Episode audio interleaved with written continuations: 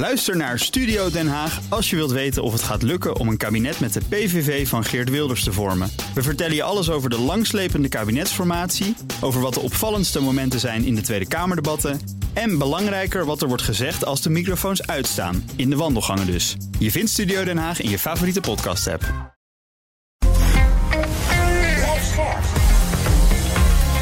BNR Nieuwsradio. The Big Five. Art Rooijakkers. Sociale media zijn niet meer weg te denken uit ons leven. Beïnvloeden ons dagelijks, bewust en onbewust. De vraag is wat al die digitale apps doen met onze gemoedsrust, ons wereldbeeld, onze manier van denken. En doen we eigenlijk wel genoeg om ons te beschermen tegen de gevaren van overmatige gebruik van sociale media? Daar ben ik deze week over in gesprek met vijf experts in BNR's Big Five van de sociale media. En vandaag de gast GroenLinks-Europarlementariër Kim van Sparretak. Ze kwam al veel ter sprake deze week, dus fijn dat ze nu vandaag hier zelf is. Welkom. Dankjewel, goedemorgen. We gaan het hebben over de verslavende aspecten van sociale media en die wetgeving die je daarop uh, los wil gaan laten. Ik wil graag eerst twee dingen van je weten. Allereerst je eigen social media gebruik. Hoe zit het daarmee? Ja, is niet best. Dat is meer dan ik zou willen in ieder geval. Ja? Ja. Want je maakt een reclame. Wel fijn hoor, dat je hier op Insta, dat je hier naartoe kwam vandaag. Ja. Dus je maakt er ook gebruik van. Ja. Daar is op zich niks mis mee, toch? Nee, en ook, bedoel, het is, het is ook echt een manier natuurlijk om met andere mensen ja, te connecten en, en in gesprek te kunnen gaan, bijvoorbeeld met mensen die, die mij volgen, omdat ze bijvoorbeeld op mij gestemd hebben. Dus, en dat vind ik ook heel erg leuk om ze te vertellen en te laten zien, een beetje kijkje achter de schermen te geven van mijn werk, waarvan toch de meeste mensen iets hebben van... wat doet zo'n Europarlementariër nou hele dagen? Dus dat vind ik er heel erg leuk aan. Maar tegelijkertijd besteed je er te veel tijd aan. Ja, maar ik zit ook, als ik dan een beetje moe thuis kom... dan lig ik opeens ook weer twintig minuten te scrollen... terwijl ik dat helemaal niet wilde en eigenlijk al naar bed had gemoeten. En waar scroll je dan? Op ja, Insta? toch vaak op Instagram. Ja. Maar En op Twitter ook Dat is een eindeloze saaie Europarlementariër feed heb jij natuurlijk. Nee, nou, nee hoor. Nee, ik krijg heel veel puppies. Oh ja? en, eh, Daar word je rustig van dan. ja, en eh, ook nog wel veel comedians. Oké. Zitten er ook positieve aspecten aan social media voor jongeren? Tweede vraag, Ehm, wat jou betreft. Absoluut, denk ik. Ik denk dat heel veel ehm, kennis over, over hoe de wereld in elkaar zit, ehm, eh, echt komt ook mede door sociale media. Voor mij, ik denk zelf dat ja, de MeToo-beweging bijvoorbeeld, Black Lives Matter, dat soort dingen. Ehm, dat is toch omdat mensen, ja, weet je, stel je komt uit een klein dorpje, je hebt geen idee. ehm, dat je daardoor meer leert over hoe de wereld in elkaar zit. En De wereld wordt er groter door. ja, en ik denk dat dat wel echt iets heel positiefs is Hm. van sociale media. Eh, Op de website van GroenLinks kwam ik een zin tegen. Er is te lezen dat jij je inzet voor, ik citeer nu... een digitale toekomst die mensenrechten respecteert... en waar grote techbedrijven en online haat... niet de richting van het publieke debat bepalen. Mooie ronkende zin. Hoe ver zijn we al op weg naar die digitale toekomst die je daar beschrijft? Ehm, we zetten stapjes, maar het gaat, eh, gaat langzaam. Die grote techbedrijven die, eh, geven veel tegengas om eh, hun verdienmodellen niet te veel aan te pakken. Die techlobby is, is echt ontzettend groot, de grootste nu in Brussel. Ehm, maar ja, we Wacht hebben. even, de techlobby is de grootste lobby in Brussel... dus meer dan bijvoorbeeld de boeren. Ja, absoluut. Ja, zij, geven nu het meeste geld uit eh, in, eh, in Brussel aan, eh, aan, aan lobby. Ja. Is dat sinds jij met je wetsvoorstel bezig bent? Absoluut, absoluut. Sinds, sinds ik. nee, dat, dat is helaas niet. nee, maar dat is, daar zijn ze wel echt. ja, we hebben natuurlijk best wel veel gedaan op het gebied van digitalisering. We hebben de DSA, dat is de platformwetgeving die echt gaat over nou, hoe, hoe moeten die internetplatforms zich gedragen. We hebben de DMA, dat is hoe zorgen we ervoor dat er nog eerlijke competitie blijft. Als je een paar van die hele grote techbedrijven hebt. We de Waar ik ook aan mee heb gewerkt. Eh, ja, kunstmatige intelligentie reguleren. Ja, dat zijn allemaal dingen waarvan ze bang zijn dat ze dan wat moeilijkere dingen moeten doen en iets minder geld kunnen verdienen. Dus geven zij het meeste uit en zijn ze het meest aanwezig van alle lobbygroepen Ja. in Europa. Hoe ziet dat er dagelijks uit? Jij loopt daar de door, door de binnen en dan word je door hordes lobbyisten besprongen.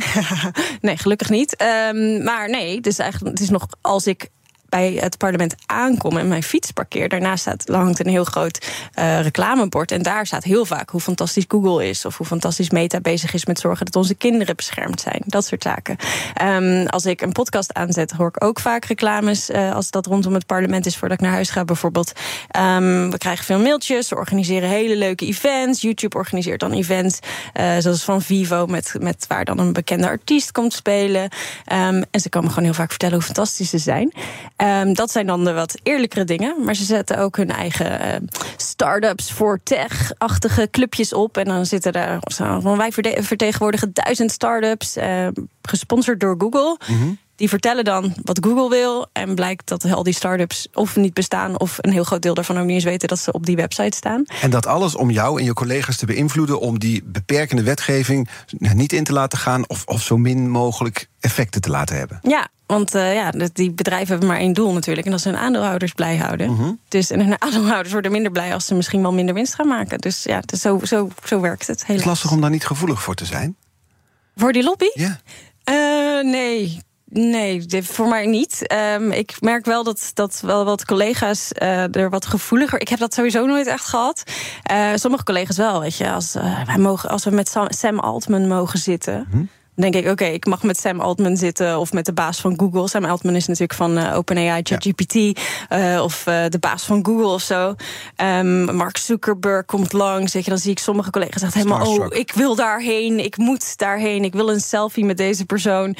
Um, en ik denk dan altijd, oké, okay, ik moet dan een half uur lang naar deze persoon luisteren. En dan mag ik daar buiten in principe dan ook weer niet precies zeggen wat hij gezegd heeft. Ja. Nee, dank je. ik, doe, ik heb leukere dingen te doen in mijn leven. Het geeft wel aan, die, die lobby, dus hoeveel, hoeveel er op het spel staat voor die social media bedrijven. Maar ook aan de andere kant, dus vanuit de wetgevende uh, instanties, vanuit de politiek. Want um, als we daar toch nog even op inzoomen. We komen straks over jouw wet te spreken hoor. Maar die, hoe kijk je naar die social media bedrijven, die big, big tech? Hoe zou je dat omschrijven? Wat is hun rol? Um, nou, ik denk dat zij um, in, in eerste instantie, toen sociale media net opkwam en uh, toen het nog een beetje saai was, denk ik oprecht dat, uh, dat het idee was van hé, hey, dit is een nieuwe manier om mensen aan elkaar te verbinden. Um, maar wat we eigenlijk zien bij alle toffe initiatieven online, um, is dat uiteindelijk toch winst maken de belangrijkste boventoon gaat voeren. Um, het hele internet was vroeger natuurlijk niet de, de één ding. Dat waren allemaal kleine internetjes waar je met elkaar uh, in contact kwam op een bepaald onderwerp. Uh, en, en elke keer zie je gewoon van als winst het belangrijkste wordt, dan, dan worden de mensen uh, consumenten. En dan, dan verandert gewoon het hele systeem erachter. En, um, en dat zie je eigenlijk ook bij die grote techbedrijven. Ja. Mijn eerste gast uh, deze week, Thijs Launsbach, je kent hem. Hij schreef het boek Asociale Media. Zei: We zijn zelfs geen consumenten, wij zijn het product, de gebruikers van die sociale media. En het belang van de, de, de techbedrijven, die social media bedrijven, is ons zo verslaafd mogelijk te maken. Ons op die apps te houden, zo lang mogelijk. En dat je bewust en onbewust er maar naar blijft grijpen. Zie jij dat ook zo? Ja, ja ik denk ook, het is, wel, interessant, want je hebt natuurlijk heel veel verschillende termen altijd ervoor. En we hebben het lang gehad over de, de deeleconomie. Weet je, we delen alles online. Uh, daarna ging het meer over de digitale economie. Maar tegenwoordig praten we toch vaker vooral over de aandachtseconomie. Dus ja, hoe meer aandacht jij weet te krijgen op jouw platform, hoe meer geld jij verdient. En dat is ook hoe het werkt natuurlijk. Als, hoe langer wij op, uh, op sociale media zitten, hoe meer advertenties zij kunnen verkopen. Um, dan zijn we toch echt, ja, dan zijn het product, omdat um, ze eerst onze data verzamelen en die data verkopen aan degene die die advertenties willen verkopen. maar we zijn de consument in, in, in de zin van dat wij al die advertenties steeds krijgen. Ja, verslavend mogelijk maken. Hè? Dus je zo lang mogelijk uh, op die apps houden. Wat, wat zie je er vooral als, als, ja, als hoe ze dat op een slechtste manier doen? Laat ik het zo vragen. Um, nou, is het meest kwalijk? Ik denk toch die, die automatische scroll, waarbij ze dan met die autoplay, uh, dus, dat is, dus dat die filmpjes automatisch aangaan. Um, en ook dat ze uh, je scherm helemaal vullen, in combinatie met dat, um, waardoor je dit gewoon geen besef meer van tijd hebt. Dus al die filmpjes die hebben een andere uh, hoeveelheid aan, aan tijd. Mhm. Mm -hmm. um, en je blijft, je denkt, oh, dit vind ik niet leuk, ik scroll naar het volgende filmpje. Dat is dan weer wat korter. Dus je verliest het besef van tijd, omdat de hele tijd alles maar doorgaat. En het is veel moeilijker om iets wat beweegt uh, en geluid maakt, om dat te stoppen.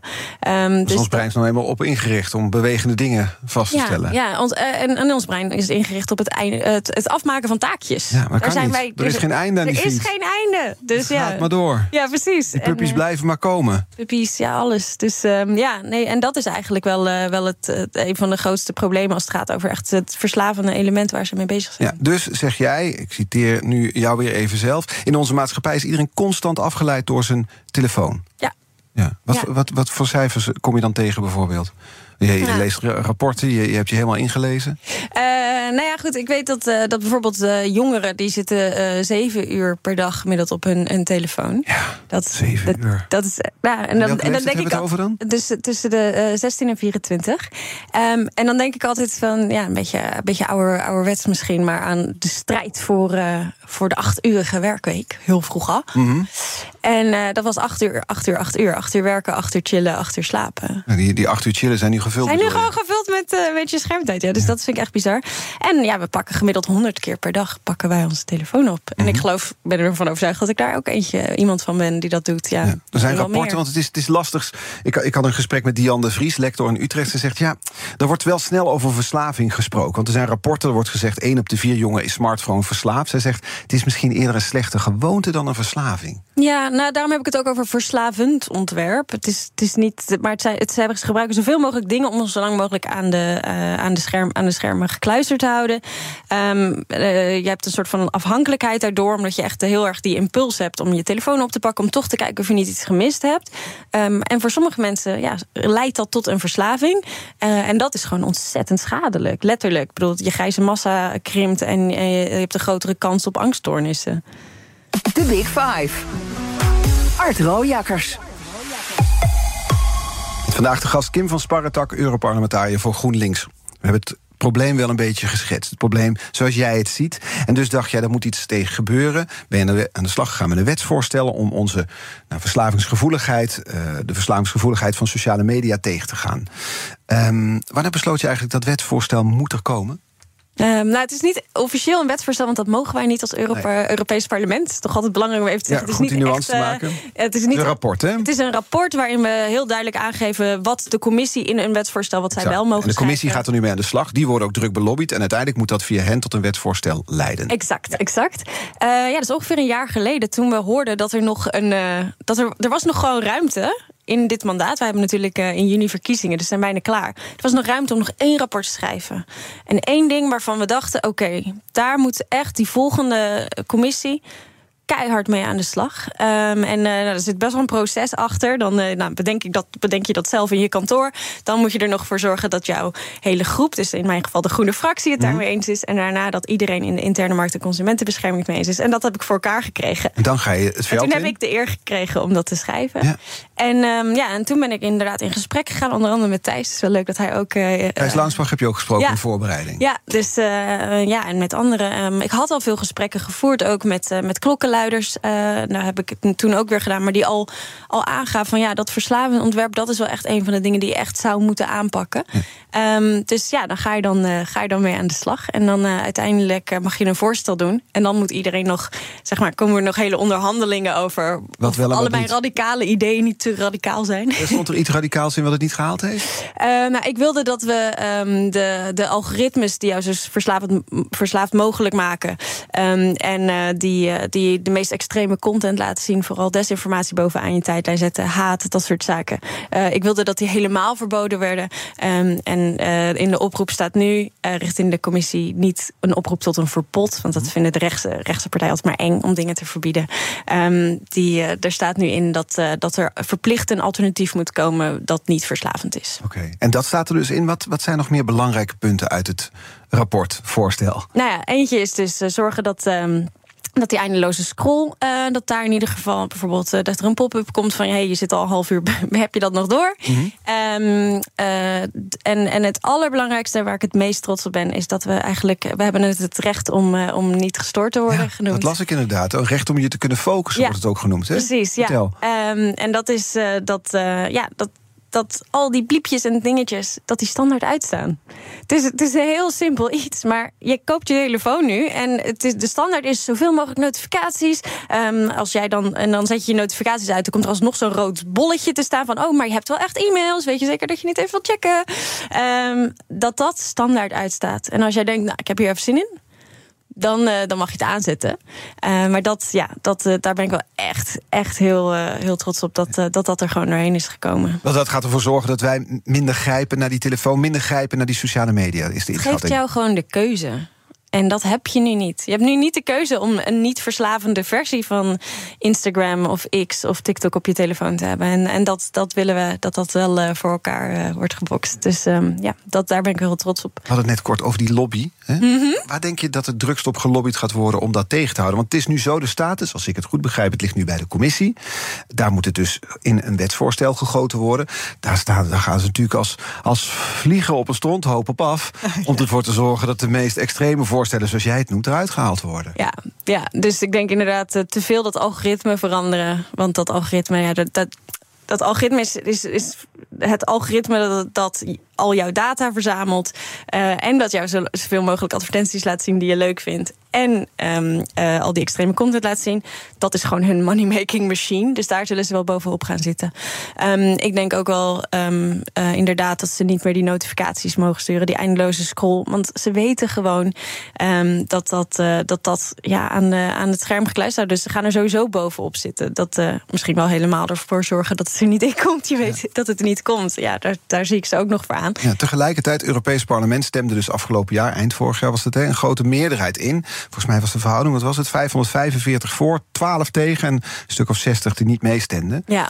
Het is een, een eclatante ja, ja, ja. Uh, overwinning, zou je het kunnen noemen dan. Dat, dat laat dus zien dat de zorgen over ons sociale media gebruik breed gedragen wordt, van links tot rechts. Ja, ja en dat was wel echt, dat was heel erg cool om te merken. Um, want nou goed, ik, ik doe wel vaker dingen over big tech. En dan merk je toch dat uh, aan de rechterflank.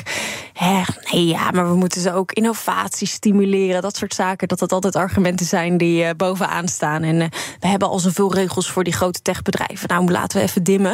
Um, en maar gewoon, er kwamen allemaal, en dat zijn vooral wat oudere conservatieve mannen, kwamen allemaal naar mij toe op de dag van de stemming. Die zeiden: Ja, we gaan voor alles stemmen. En ik zo: Wow, voor alles? Ja, ja, ja. Want het is zo belangrijk. Ik heb zes kleinkinderen uh, uh, en, en, en, en ik zie ze allemaal gekluisterd aan die scherm. Dat ik: Oké, okay, iedereen ziet dus in dat dit gewoon echt niet meer kan. En dat, dat het ook dus echt niet ligt aan zelfdiscipline of wat dan ook. Maar dat we echt die techbedrijven gewoon wat verantwoordelijker moeten maken. Ja, dat betekent ook, lijkt mij, dat er een grotere verantwoordelijkheid ligt bij de Europese Commissie. Je kan moeilijk jouw ja. wetsvoorstel heel erg gaan afzwakken als het zo nou ja, met zoveel meerderheid is aangenomen. Of werkt dat niet zo? Ja, absoluut. Dus, uh, en en dat, is ook, dat is ook echt wel, geeft ook wel echt een steuntje in de rug. Um, toen ik met mijn rapport kwam, zei de commissie al: Oh, dit is wel echt heel interessant. Daar gaan we naar kijken.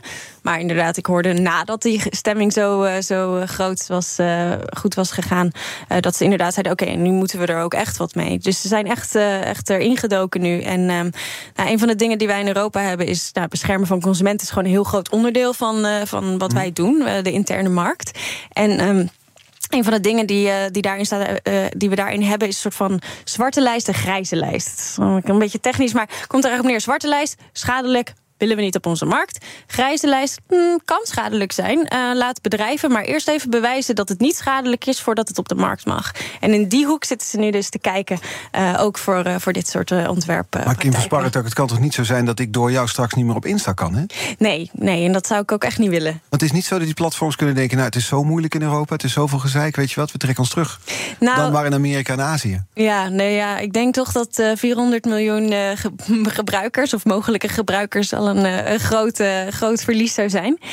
Um, nee, voor alle duidelijkheid, deze maatregelen gelden alleen voor in Europa, toch? Uh, ja, klopt. Maar we zien wel, bijvoorbeeld ook hebben we gezien met de privacywetgeving, dat als wij bepaalde dingen in Europa doen, um, dat die grote techbedrijven denken: ja, pff, het is wel heel ingewikkeld om dat uh, alleen maar voor Europa te doen. Laten we dan ook een aantal van die dingen uh, voor buiten Europa gewoon meteen zo goed doen. De, de, de stekker bij Apple, toch? Die USB-C-aansluiting hebben ze nu ook maar wereldwijd gedaan, gedwongen door het Europees Precies. politiek. Het ja. Brussels, Brussel-effect noemen ze dat. Brussel-effect. nou, hier, ik dacht dat je dan over andere dingen had, maar goed. um, begin deze zomer zijn de verkiezingen voor het Europees Parlement in juni. We hebben het er allemaal al over. Hè? De hele landen staan op zijn kop omdat we straks mogen stemmen voor het Europees Parlement.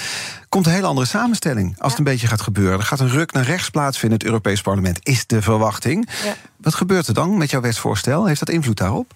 Altijd, uh, want het, was wel de, de, het waren de Europese conservatieven. Dus uh, de partij van uh, Giorgia Meloni bijvoorbeeld, de Italiaanse ehm, radicaal-rechtse partij, die, die tegenstemde uiteindelijk. Die zitten heel erg in de zak van die grote techbedrijven. Um, we weten ook dat, dat extreemrechtse partijen het beter doen op die verslavende algoritmes. Want zij publiceren vaak extremere content, dus komen sneller bovenaan te staan, hoeven dus ook minder geld uit te geven, mm. bijvoorbeeld aan het adverteren. Um, dus ja, daar, daar zullen ze wel op inspelen en, uh, en daar ook naar kijken. Maar zoals ik al zei. Uiteindelijk is er nog steeds, als het goed is, hebben we nog steeds gewoon een democratische meerderheid in het Europees parlement. En zoals ik al zei, de, de, Europese conservatieven, dus waar, de, waar het CDA in zit, die, die niet altijd uh, vooraan staan om uh, grote techbedrijven te reguleren, waren hier unaniem stemden zij mee met dit voorstel, omdat ze gewoon het belang ervan inzien. Ja, dus wat dat betreft, die, die nieuwe samenstelling van zo'n Europees parlement heeft, gaat wel invloed hebben, maar het is niet dat je wetsvoorstel daardoor gaat verdwijnen in een la. Nee. het is geen wetsvoorstel, rapport. nee, maar het wetsvoorstel van de commissie ook niet. Nee, oké. Dan is het nog wel zo, dan hebben we dus de commissie. We hebben nu het voorstel van jou, dan hebben we de commissie. Maar straks moeten ook de individuele lidstaten ook nog eens eens worden over de tekst van de uiteindelijke wet, toch? Wat een gedoe allemaal. Verwacht je daar nog verrassingen? Ja, nou en dat is, dat is wel interessant. Dat is eigenlijk een beetje de nieuwe stijl van die grote lobby, is inderdaad op, die, op de landen gaan zitten. En um, dat zien we nu bijvoorbeeld bij de kunstmatige intelligentiewet. Uh, Frankrijk is nu in één keer helemaal tegen strenge regels voor ChatGPT. Omdat ChatGPT, het bedrijf OpenAI achter ChatGPT heeft beloofd dat hun hoofdkantoor wel eens in Parijs zou kunnen komen. Um, dat soort trucjes die, die doen ze steeds vaker. Dus ze gaan ook minder vaak komen ze bij ons langs. Ze gaan veel meer op die landen zitten. Dus daar maak ik me wel een beetje zorgen om, eerlijk gezegd. Uh, dat is gewoon hun nieuwe tactiek. Maar in elk land zijn ook deze discussies gaat. Discussie over mobiele telefoons in de, uh, op, in de klas, dat soort zaken. Die in elk land zijn die uh, nu gaande. Dus, dus, als je het in moet schatten, ja, het is nu een beetje alsof een wedstrijd aan een vooruitblikken zijn. Die topper tussen Ajax en PSV, bij wijze ja, van. Maar eh, hoe, hoe, schat je het in voor jou? Voor nee, ik denk dat ik, zie het, ik zie het echt positief. Maar dan zou het in kunnen gaan dan? Of nou ja, goed, dat ligt dus wel een beetje aan hoe snel ze met dat, met dat wetsvoorstel komen. en dat gaat een beetje liggen aan hoe, hoe de commissie in elkaar gaat zitten. En dat vind ik nog wel een beetje spannend. Maar ik hoop over een, een jaar of drie dat we wel dat het gewoon in moet gaan. En daarvoor moeten ze dan natuurlijk al aan de slag. Hm. We hadden gisteren had ik een gesprek met Marcel Molenaar, is de country manager Benelux bij LinkedIn. Hij had een kettingvraag voor je. Luister maar even mee. Ja, ik, uh, ik bekeek haar eh, profiel. Zij is best actief op uh, LinkedIn. Uh, dus een post regelmatig, mooi profiel ook.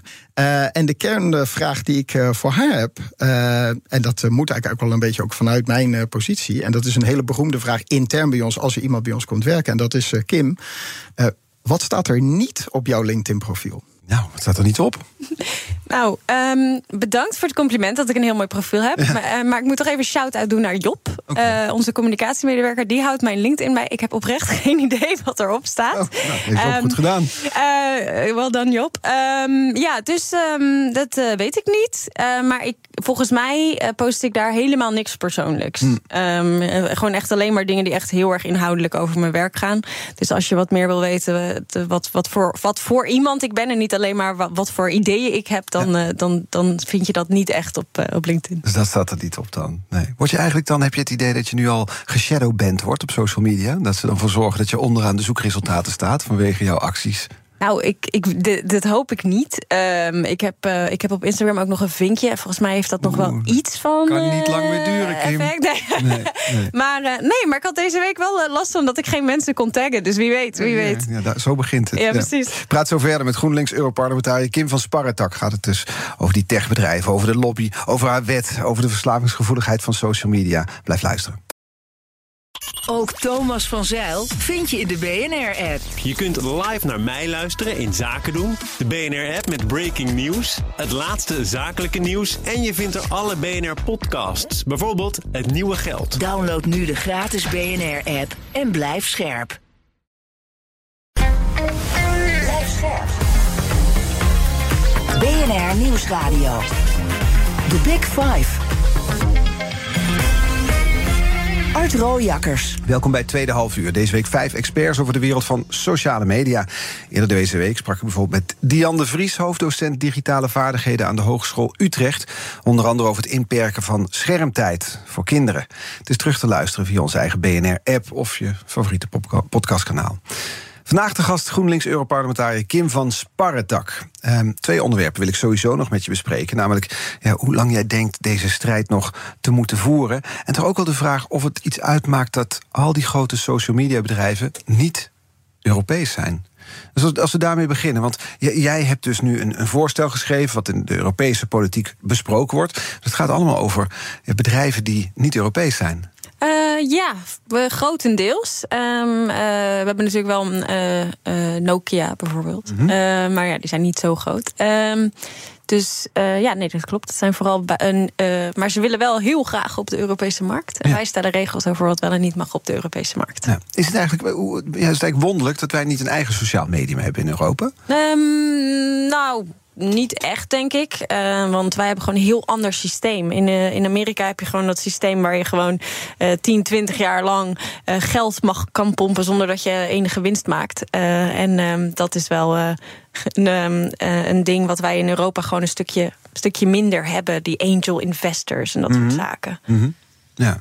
Nou, ik zat te denken dat als je, het in, als je een Europees sociaal medium zou kunnen hebben, dat dat misschien al ja, heel anders ingericht zou zijn. Dat het bij, bijvoorbeeld al waarborgen heeft voor privacy. Of denk ik nu te rooskleurig over Europa? Misschien maar denk je dan iets te rooskleurig over Europa. Maar dat zou natuurlijk fantastisch zijn. Um, en, maar dat, ja, mij maakt het eigenlijk niet uit waar ze vandaan komen. Ja, leuk, leuk als het Europa is. Maar ja, als dat überhaupt natuurlijk gewoon een keertje iets zou zijn... en, en sociale media dat wel leuk is. Mm -hmm. Want er zijn er wel die heel privacyvriendelijk zijn... maar die zijn soms ook heel saai. Mm -hmm. um, uh, en, en waar je gewoon inderdaad uh, je geen zorgen hoeft te maken over je privacy... waar inderdaad die verslavende elementen um, niet, uh, niet de boventoon voeren... en waar, waar niet alles op winst gericht is. Ja, en nou, nou zijn dit de Amerikaanse techbedrijven waar we het nu toe over hadden. Dan hebben we nog ook dat andere, TikTok. Mm -hmm. Misschien nog wel het meest verslavend van allemaal. Want daar blijven die filmpjes inderdaad continu lopen. En je hoeft ja. alleen maar te swipen en hup, dan speelt er weer een nieuw filmpje. En binnen, wat is het, volgens mij 10 minuten is een algoritme dat snapt wat jij heel graag wil zien. Ja. Chinees. Ja. Chinees medium. Dus daar zijn dan weer extra zorgen over. Ja. Deel jij die? Um... Nou ja, als het gaat over, over al die verslavende elementen, uh, de verspreiding van desinformatie, dat soort zaken, denk ik dat ze allemaal uh, natuurlijk wel erg problematisch zijn. Uh, uiteindelijk hebben ze allemaal het doel om ons zo lang mogelijk vast te houden. Maar dat extra element inderdaad, dat, dat TikTok ook wordt misbruikt om bijvoorbeeld journalisten te volgen en politici te volgen. Is nooit echt helemaal bewezen, maar daar, daar, daar, dat verwachten ze wel. Ik bedoel, niet voor niks dat, dat wij ook bijvoorbeeld als uh, politici uh, aangeraden krijgen om geen TikTok in ieder geval niet op onze eigen privételefoon te hebben. Ja, want hoe ziet dat volgen? Hoe zou dat er dan uitzien? Ik begreep dat eigenlijk nooit goed. Dus als jij als politicus wel een TikTok-account hebt, wat dan? Um, ik vergelijk het altijd een beetje als een, met een burnerphone, weet je wel? die, die drugstealers hebben. Ja, je hebt okay, gewoon één telefoon die alleen maar daarvoor gebruikt. Ja. en uh, die je niet, uh, waar je de locatie niet van aan De angst is dat, dat, dat die TikTok-app misschien veel verder in je telefoon kan kijken dan wenselijk is. Dat kunnen eigenlijk bijna alle apps.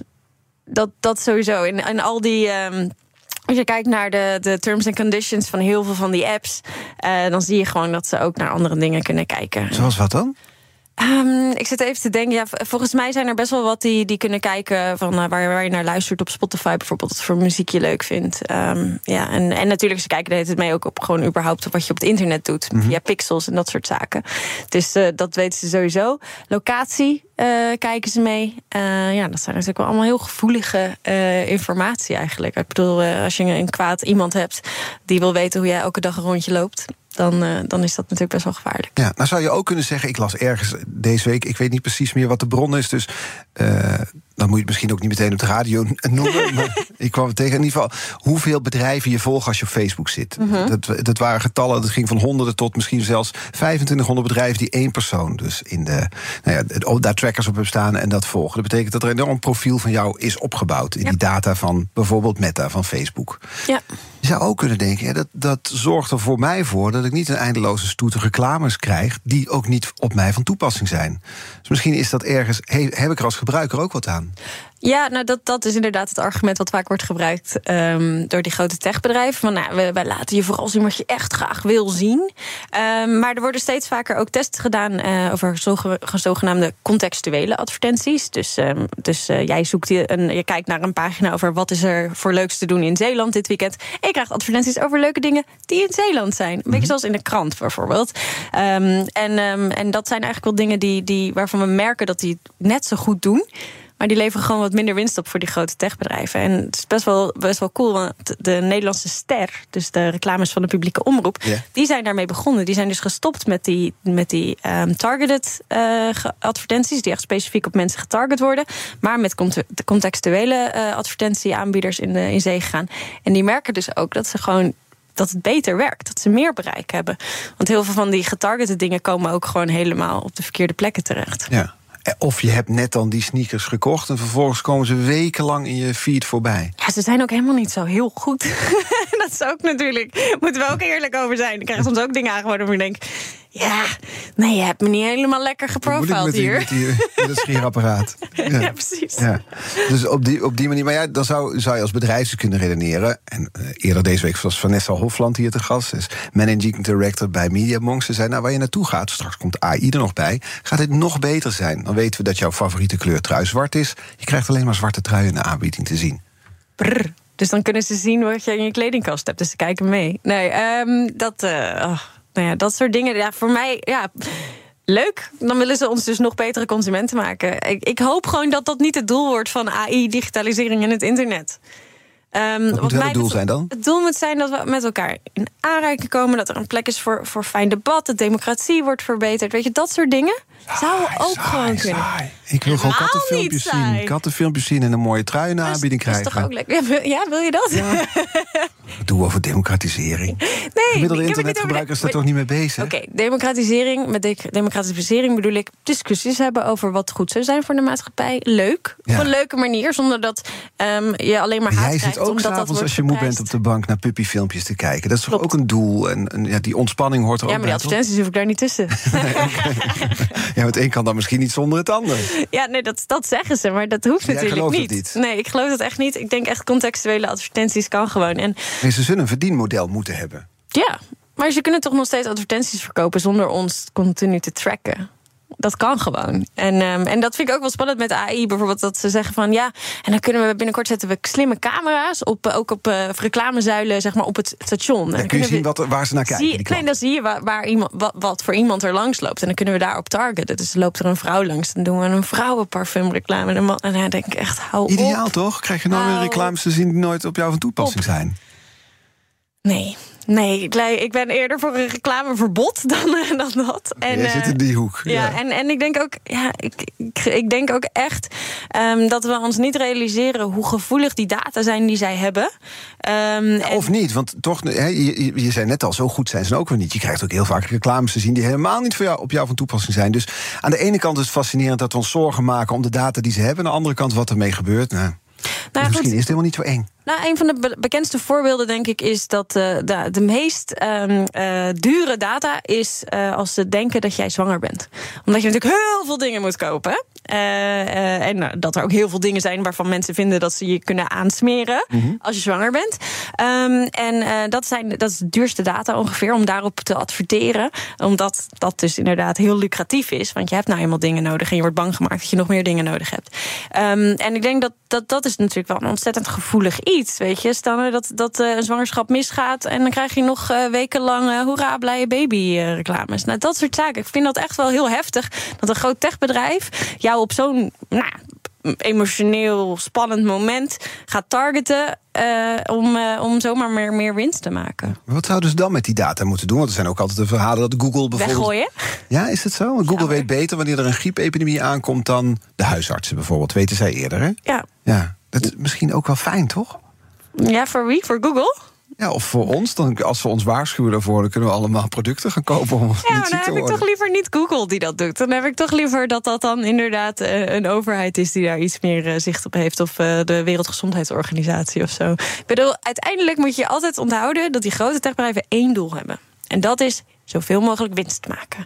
Google is bijvoorbeeld heel hard bezig. Daarom zijn ze zo trots op dat hele... we kunnen een griepepidemie eh, voorspellen... om de medische sector over te nemen. Die zijn allemaal bezig met allemaal eh, gezondheidsapps... maar ook met gezondheids... ehm, eh, machines die ze kunnen verkopen aan ziekenhuizen. Om, om uiteindelijk ook in die gezondheidssector superveel winst te maken. Want het is natuurlijk een hartstikke lucratieve sector. Mhm. We worden steeds ouder, er komt steeds meer, er komt steeds meer geld. Ehm, dat betekent dus als zij het overnemen dat het om winst gaat. Ja. En niet om de gezondheid van mensen. Ja, ik vind dat toch iets, eh, iets heel erg uh, gevaarlijks. Dan heb ik gewoon liever een, uh, een privaat bedrijf of een, een publiek bedrijf wat daar mee bezig is. En, en al die data, zit daar ook een gevaar in dat je in een bubbel terechtkomt? Hè? Daar wordt voor gewaarschuwd dan filterbubbels. En ook onderzoeken die zeggen: nou, dat, daar moeten we ons niet zo zorgen om maken. Dat valt allemaal best mee. Je komt nog steeds andere mensen tegen. Maar het gevaar is dan dat je alleen maar verhalen hebt die jij wil lezen, advertenties die op jou van toepassing zijn, dat je alleen maar mensen tegenkomt met wie je mening deelt. Heb je daar zorgen over? Ja, ja, daar maak ik me wel echt zorgen over. En um, ik denk ook dat, um, kijk, de keren dat ik een keer iets zie waarvan ik denk, oh, dat past helemaal niet in mijn, in mijn politieke ideeën, dan, dan komt dat vaak uh, uh, in een, op een manier die heel erg door haat, eh, met haat gevoed is, dan komt het op mijn tijdlijn terecht. Mm -hmm. um, en dat vind ik, vind ik wel heel heftig. En ik mer je merkt het gewoon op heel veel onderwerpen dat als jij alleen maar één kant van een verhaal hoort, kan je geen gesprekken meer voeren met mensen als die alleen maar alle andere kanten. En het midden is natuurlijk heel erg verdwenen. Uh, op sociale media. Want het midden is saai, is niet extreem, laten we je niet zien. Um, waardoor het heel ingewikkeld is soms om gesprekken te kunnen voeren over bepaalde onderwerpen. Ongeacht of je nou een bepaalde ideologie hebt of ja. een, een, bepaald beeld van hoe de maatschappij eruit moet zien. Als de feiten verschillend zijn, kan je alsnog geen gesprek voeren. En daar maak ik me echt heel erg zorgen over. Als ik dan persoonlijk maak, want iedereen zit in een bubbel, jij misschien ook. Zag je de winst van de PVV aankomen? Of was dat in, jou, in jouw bubbel bijvoorbeeld helemaal niet zichtbaar voor de Tweede Kamerverkiezingen?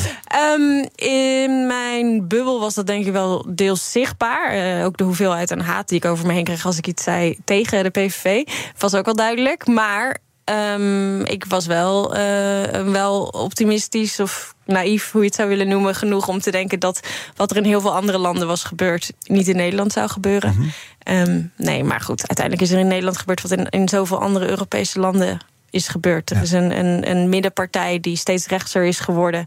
Um, uh, uit angst voor verlies van, uh, van een extreemrechtse partij. Die toen de deur heeft opengezet naar extreemrechts. Waardoor extreemrechts niet meer een, alleen een proteststem werd, maar een echte stem. En daardoor hebben zij kaart verloren en extreemrechts kaart gewonnen. Dat gebeurt overal. En ik was nog een beetje optimistisch dat dat niet in Nederland zou gebeuren.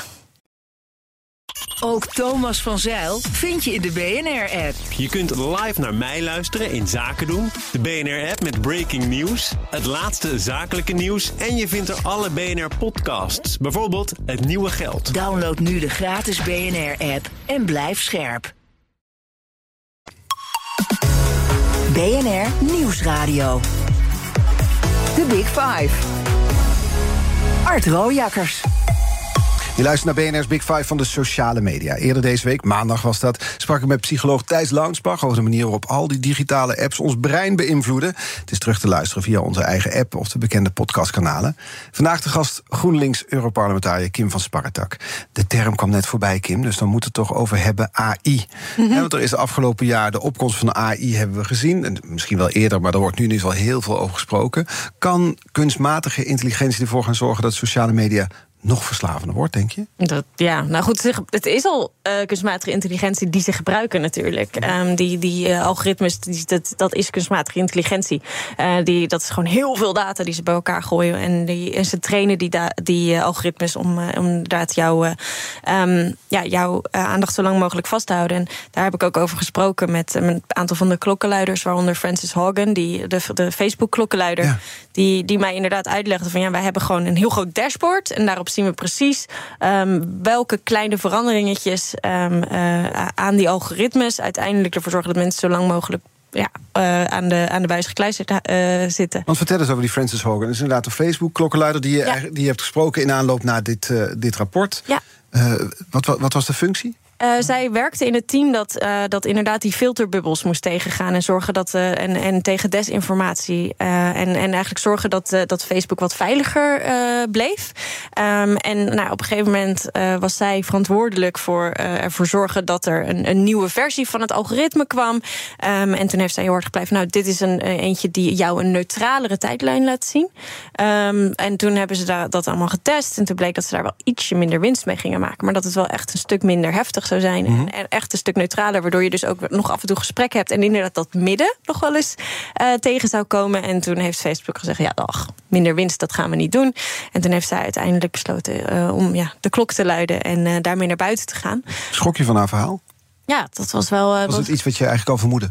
Nou, je, je, je, bedoel, je weet dat, dat zo'n groot techbedrijf uh, vooral heel erg uh, hangt op die aandeelhouders. En, en niet per se de keuzes maakt op basis van ethiek.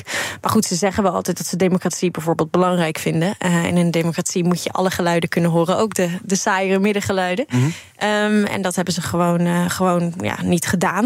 Um, we weten ook dat als het gaat bijvoorbeeld over contentmoderatie, dat ze daar in, in het Engels doen ze daar nog wel hun best op. Maar um, in, in heel veel landen is er één iemand die dan uh, bijvoorbeeld uh, Sloveens kan. Dus die, dat is één iemand die dat dan moet checken. Um, dus dat ze daar, dat ze daar um, ja, niet zoveel op doen, dat wisten we wel. Maar inderdaad, dat zij gewoon aankwam met het keiharde bewijs dat ze dus een minder heftige versie hadden. Die minder winst op zijn leven. En dat dat, dat, dat dus de keuze was om daar niet voor te gaan. Ja, dat vond ik wel echt schokkend. Ja. We, we, kwamen op haar vanwege de AI. Vanwege de, vanwege AI. Ja. Want je zei, ja, het is al AI. Die algoritmes zijn er nu al op gericht om jou zo lang mogelijk binnen te houden. Ja. Er komt natuurlijk een overtreffende trap aan. Die ja. ontwikkelingen staan niet stil. Gaat het invloed hebben op dat wetsvoorstel wat er uiteindelijk moet komen, denk je? Hmm, ik denk niet. Ik denk het eigenlijk niet, omdat we nu de AI-wet hebben. Die gaat heel erg over hoe je die systemen moet maken. Um, daar wilde ik trouwens ook sociale media uh, in. Uh, uh, sociale media algoritmes in. Mm. Eigenlijk omdat ja, die, wij vragen dus aan bedrijven om AI op een soort van ethische manier te maken als ze hoog risico hebben. En gezien het hoeveelheid aan gebruikers leek me het best in de hoog risicocategorie te vallen. Maar rechtse partijen wilden dat niet. Dus dat is, dat is helaas niet gelukt. Stond uiteindelijk wel in de parlementspositie, maar heeft het niet gehaald. Mm. Um, maar um, ik denk dat, dat uiteindelijk um, ja, die opkomst van de AI, inderdaad, dingen gaan slimmer worden. Ze gaan proberen ons nog meer te manipuleren. Maar ik denk dat ze al heel ver zijn eigenlijk. Oh ja? En ik weet niet zeker of ze nog zoveel meer kunnen. Maar ze blijven ons altijd verbazen. Dus, uh, dus wie weet. Maar ik denk dat het op zich op het wetsvoorstel, want dat gaat gewoon over het uiteindelijke effect. He, beïnvloed jij een consument oneerlijk? Um, heeft het een, een, een gevaarlijk effect op de consument? En het gaat iets minder over welke welke systemen je daarvoor gebruikt. Ja. Nou, nou, jij zegt, ja, misschien zijn er niet zoveel stappen meer te zetten... maar de geluiden die ik hoor hier ook op zender is vaak van... er komt een revolutie aan als het gaat om AI. Absoluut, ja, nee, dat zie ik ook wel. Uh, ik denk alleen dat ze op sociale media niet zo heel veel meer kunnen doen. Uh, maar goed, ja, als, uh, als ze ons met biometrische data de hele tijd nog meer gaan proberen te manipuleren, of ze komen inderdaad met nieuwe manieren en nieuwe systemen, um, waarbij ze bijvoorbeeld Alexa nog beter kunnen gebruiken om je te manipuleren, dat soort zaken, ja, dat, dat kan natuurlijk. Ja. Je, zei al, we moeten er nog even wachten. Misschien wel drie jaar voordat zo'n wetsvoorstel dan ook daadwerkelijk uh, ingaat in, uh, in Europa. Stel dat het nou straks daadwerkelijke wetgeving wordt. Uh, we leven dan in, wat zal het zijn, 2027 misschien wel. denk je dat dan onze omgang met sociale media daardoor ook direct zal veranderen? Um, nou, ik denk het dus eigenlijk wel. Omdat nu gewoon de standaard is nu is verslavend. En de standaard nu is oh, ik moet toch eigenlijk nog wel even kijken of ik niet een berichtje heb, gemist. En als het goed is, is dat dan niet meer het geval. Dus uh, ik denk dat dat echt ontzettend veel gaat veranderen. Heb je neefjes of nichtjes die jou dit kwalijk nemen? Die denken, waar, Kim, wat ben je aan het doen? Nee. Heb ik zo'n lol op die sociale media? Ga je het een beetje lopen inperken? Nee, nee, eigenlijk niet. Uh, ik, ik denk ook, ja, dat, dat, ik heb eerder gesprekken met ze van... oh, ik kreeg nare berichten. Uh, uh, of, oh, ik ben zo onzeker van wat ik zie. dan, dan iets hierover. Nee, ik denk dat ze, dat ze dit ook wel... en ik had ook wel een leuk gesprek, want ik zei van... ja, maar als jullie samen zitten, dan zitten jullie toch ook de hele tijd op je telefoon. Dan heb je toch niet meer zoveel gesprekken. En toen ja, ja, maar daar hebben we nu ook al afspraken over gemaakt. Dat we dan bijvoorbeeld allemaal onze telefoon wegleggen. Wauw. Ja. Dus uh, ze, is, ze is 15. Um, ehm, dus, ik denk, ja, dus, dus je ziet toch ook wel de jongere generatie... dat die, daar, dat die er al een stuk beter mee omgaan dan wij. Ja, ja. Nou, nou is het natuurlijk, die, die vraag kwam ook te sprake bij Thijs, Thijs Langsbach eerder deze week. Hoe, hoe we over, bijvoorbeeld over een jaar of twintig terugkijken op deze periode. Ik trok te vergelijken met bijvoorbeeld de uh, sigaretten. Daar kijken we mm. nu ook naar van god, dat deden we gewoon in de auto, in vliegtuigen, in de dokterswachtruimte, noem maar op. Kunnen we niet, ons nu niet meer voorstellen. Hoe zullen wij in 2000, nou wat zal het zijn, 2044, kijken naar deze periode als het gaat om ons gebruik van sociale media, denk je? Ja, ik denk wel inderdaad dat we, dat we terug gaan kijken en zeggen: wauw, dat we zoiets verslavends aan 12-jarigen geven en dat dan maar normaal vinden. Ik denk dat we daar wel eh, heel erg uh, op een andere manier naar gaan kijken. Dat hoop ik. En ik denk ook wel um, ja, dat, dat kinderen dus ook zelf uh, op je hele jonge leeftijd al influencer worden. Of zelf filmpjes gaan maken. En gewoon echt dat, dat het hele leven van kinderen op sociale media wordt, gewoon wordt laten zien. Ik denk dat dat ook wel iets is waar we op gaan terug gaan kijken van Was dat zo'n goed idee? Want nu weet zeg maar Google, Facebook, uh, TikTok weten eigenlijk alles van onze kinderen vanaf dat ze nog van voordat ze geboren worden. Ja. Dus komt de vraag dan automatisch erachteraan. Daar pleit Thijs Launsbach voor. Verbod voor social media onder de 16 jaar. Hoe kijk jij daarnaar? Ja, nou, dat, dat, dat, dat denk dat dat op zich zou kunnen. Ik ga het heel voorzichtig formuleren. Nou, kijk, het probleem is. Hoe doe je dat? Dat is ontzettend moeilijk te handhaven. Ja, hij had allerlei praktische voorstellen om dat praktisch mogelijk te maken. Dus zoals je nu ook een eurocent soms moet overboeken... Hè, om te bewijzen dat je ook daadwerkelijk die betaling gaat doen... dat kun je koppelen aan identiteit. Betekent wel dat je niet meer anoniem op internet bent. Ja, kijk, ja, dat is dus mijn probleem. Ja, ik vind dat het, het is, zeker voor kinderen is het zo belangrijk... dat hun privacy gewaarborgd is. En als je dan uh, inderdaad je, weet ik, je, je paspoort of je ID-kaart moet laten zien... voordat dat duidelijk is, dat vind, dat vind ik heel erg uh, gevaarlijk. Er is gewoon nog geen privacyvriendelijke manier als die er wel is, als, zijn, als, als, een privacyvriendelijke manier zou zijn, zou het dan een goed idee zijn? Ja, dan denk ik dat het goed is of dat er inderdaad andere versies zouden zijn. Of dat je, maar, een soort kinderversie van Insta bewijzen. Maar uiteindelijk hebben we er allemaal last van. En als we nou gewoon in één keer goed ja, maar willen het is wel zo, als je 12, 13 bent, is die prefrontale cortex nog niet helemaal lekker ontwikkeld. Bij jou wat beter uh, en bij mij dan iets minder goed dan bij jou. Dus je zou kunnen zeggen, dat is wel een fase waarin je misschien extra bescherming moet bieden. Dat is het verhaal van Thijs. Ja, maar we kunnen het ook gewoon in één keer goed doen voor iedereen. En dat zou je wilt er niet social media zijn. voor iedereen verbieden? Nee, ik wil het niet verbieden voor iedereen. Nou oké, als het echt om een verbod gaat. Maar wat mij betreft maken we sociale media gewoon veel minder verslavend voor iedereen. Ja, een verbod voor, voor, voor kinderen ja, ik weet niet. Uiteindelijk vind ik toch dat het ook een, een, soort van keuzevrijheid is. Maar we moeten in ieder geval voor zorgen dat het niet meer verslavend en schadelijk is. En dat lijkt mij gewoon heel goed. Alcohol verbieden we, roken verbieden we, gokken verbieden we. Ja, ja, maar dat, ja, dat zijn, die zijn ook extreem verslavend natuurlijk. Dus als we nou dus daarom is het parallel te trekken. Ja, nee, dus inderdaad, als zolang het zo verslavend is, ja, dan zou ik daarin meegaan. Ja. Maar ik wil eigenlijk dat het gewoon niet meer verslavend is voor iedereen. Dus en, en, en ik vind dat heel gevaarlijk als we dan gaan over. Want die grote techbedrijven willen ook heel graag dingen voor met een leeftijdscategorie. dus dat vertelt mij dat. Je dat? Nou, dat is echt altijd het grote pleidooi van ja, we gaan het dan. We, we kunnen het wel minder verslaafd maken, maar alleen voor onder de 20 of hm. alleen onder de 18. En dan denk ik, ja. Waarom? Waarom willen jullie dat? Dus omdat jullie al die data dus willen. Um, dus ik denk dat het. En, en jullie willen het dus nog steeds zo verslavend houden voor die oudere generatie. Want daar kunnen jullie zoveel winst mee maken. Ja. Dus ja, inderdaad, als het echt zo verslavend blijft, laten we dan ervoor zorgen dat ze er niet meer op kunnen. Um, maar laten we niet een soort van dat als schaamlab gebruiken. Ja, en ook, ja. bedoel, er zijn genoeg mensen die echt nou, andere gevoeligheden hebben, kwetsbaar zijn om andere redenen, um, die er net zoveel last van hebben dat het zo verslavend is. Dus laten we gewoon echt voor zorgen dat dat niet meer mag. Helder. Je mag een kettingvraag stellen aan de gast van maandag, Leo Lucassen, hoogleraar arbeids- en migratiegeschiedenis aan de Universiteit Leiden. Hele nieuwe Big Five Week. Week, week. Diana Matroos presenteert dan vijf experts, gaat ze in gesprek mee over het migratievraagstuk. Wat zou je van Leo Lucassen willen weten? Nou goed, eh, arbeidsmigratie is natuurlijk een ontzettend grote discussie. We hebben meer uh, mensen nodig. Uh, maar uiteindelijk zien we toch ook vaak uh, nou, het, het, probleem van dat, dat die mensen ontzettend slecht behandeld worden. met z'n tienen in één huis moeten. En dat hun huisvesting ook gekoppeld wordt aan een arbeidscontract. Mm -hmm. In hoeverre uh, vindt, uh, vindt meneer Lucas dat, dat dat eigenlijk de verantwoordelijkheid meer is van Nederland om daar iets tegen in te doen? Of zullen we dat toch echt helemaal in Europa moeten oplossen? Ze gaat een vraag hoor, Diana Matroos. Maandag dus in de nieuwe eh, Big Five Week over migratie. Deed weer week, maar het klinkt gewoon zo lekker. Goed, Kim van Sparretak was vandaag mijn gast, Europarlementariër voor GroenLinks. We hadden het over sociale media, net als we dat met alle gasten deze week deden. Die gesprekken zijn terug te luisteren als podcast via onze eigen app of via je favoriete podcastkanaal. Dank, Kim van Sparretak. Veel plezier op deze zender met Thomas van Zeil bij BNR Zaken doen en alvast een fijn weekend. Ook Bas van Werven vind je in de BNR-app. Ja, je kunt live naar mij en Iwan luisteren tijdens de ochtendspits. Je krijgt een melding van Breaking News. En niet alleen onze podcast Ochtendnieuws, maar alle BNR-podcasts vind je in de app. Download nu de gratis BNR-app en blijf scherp.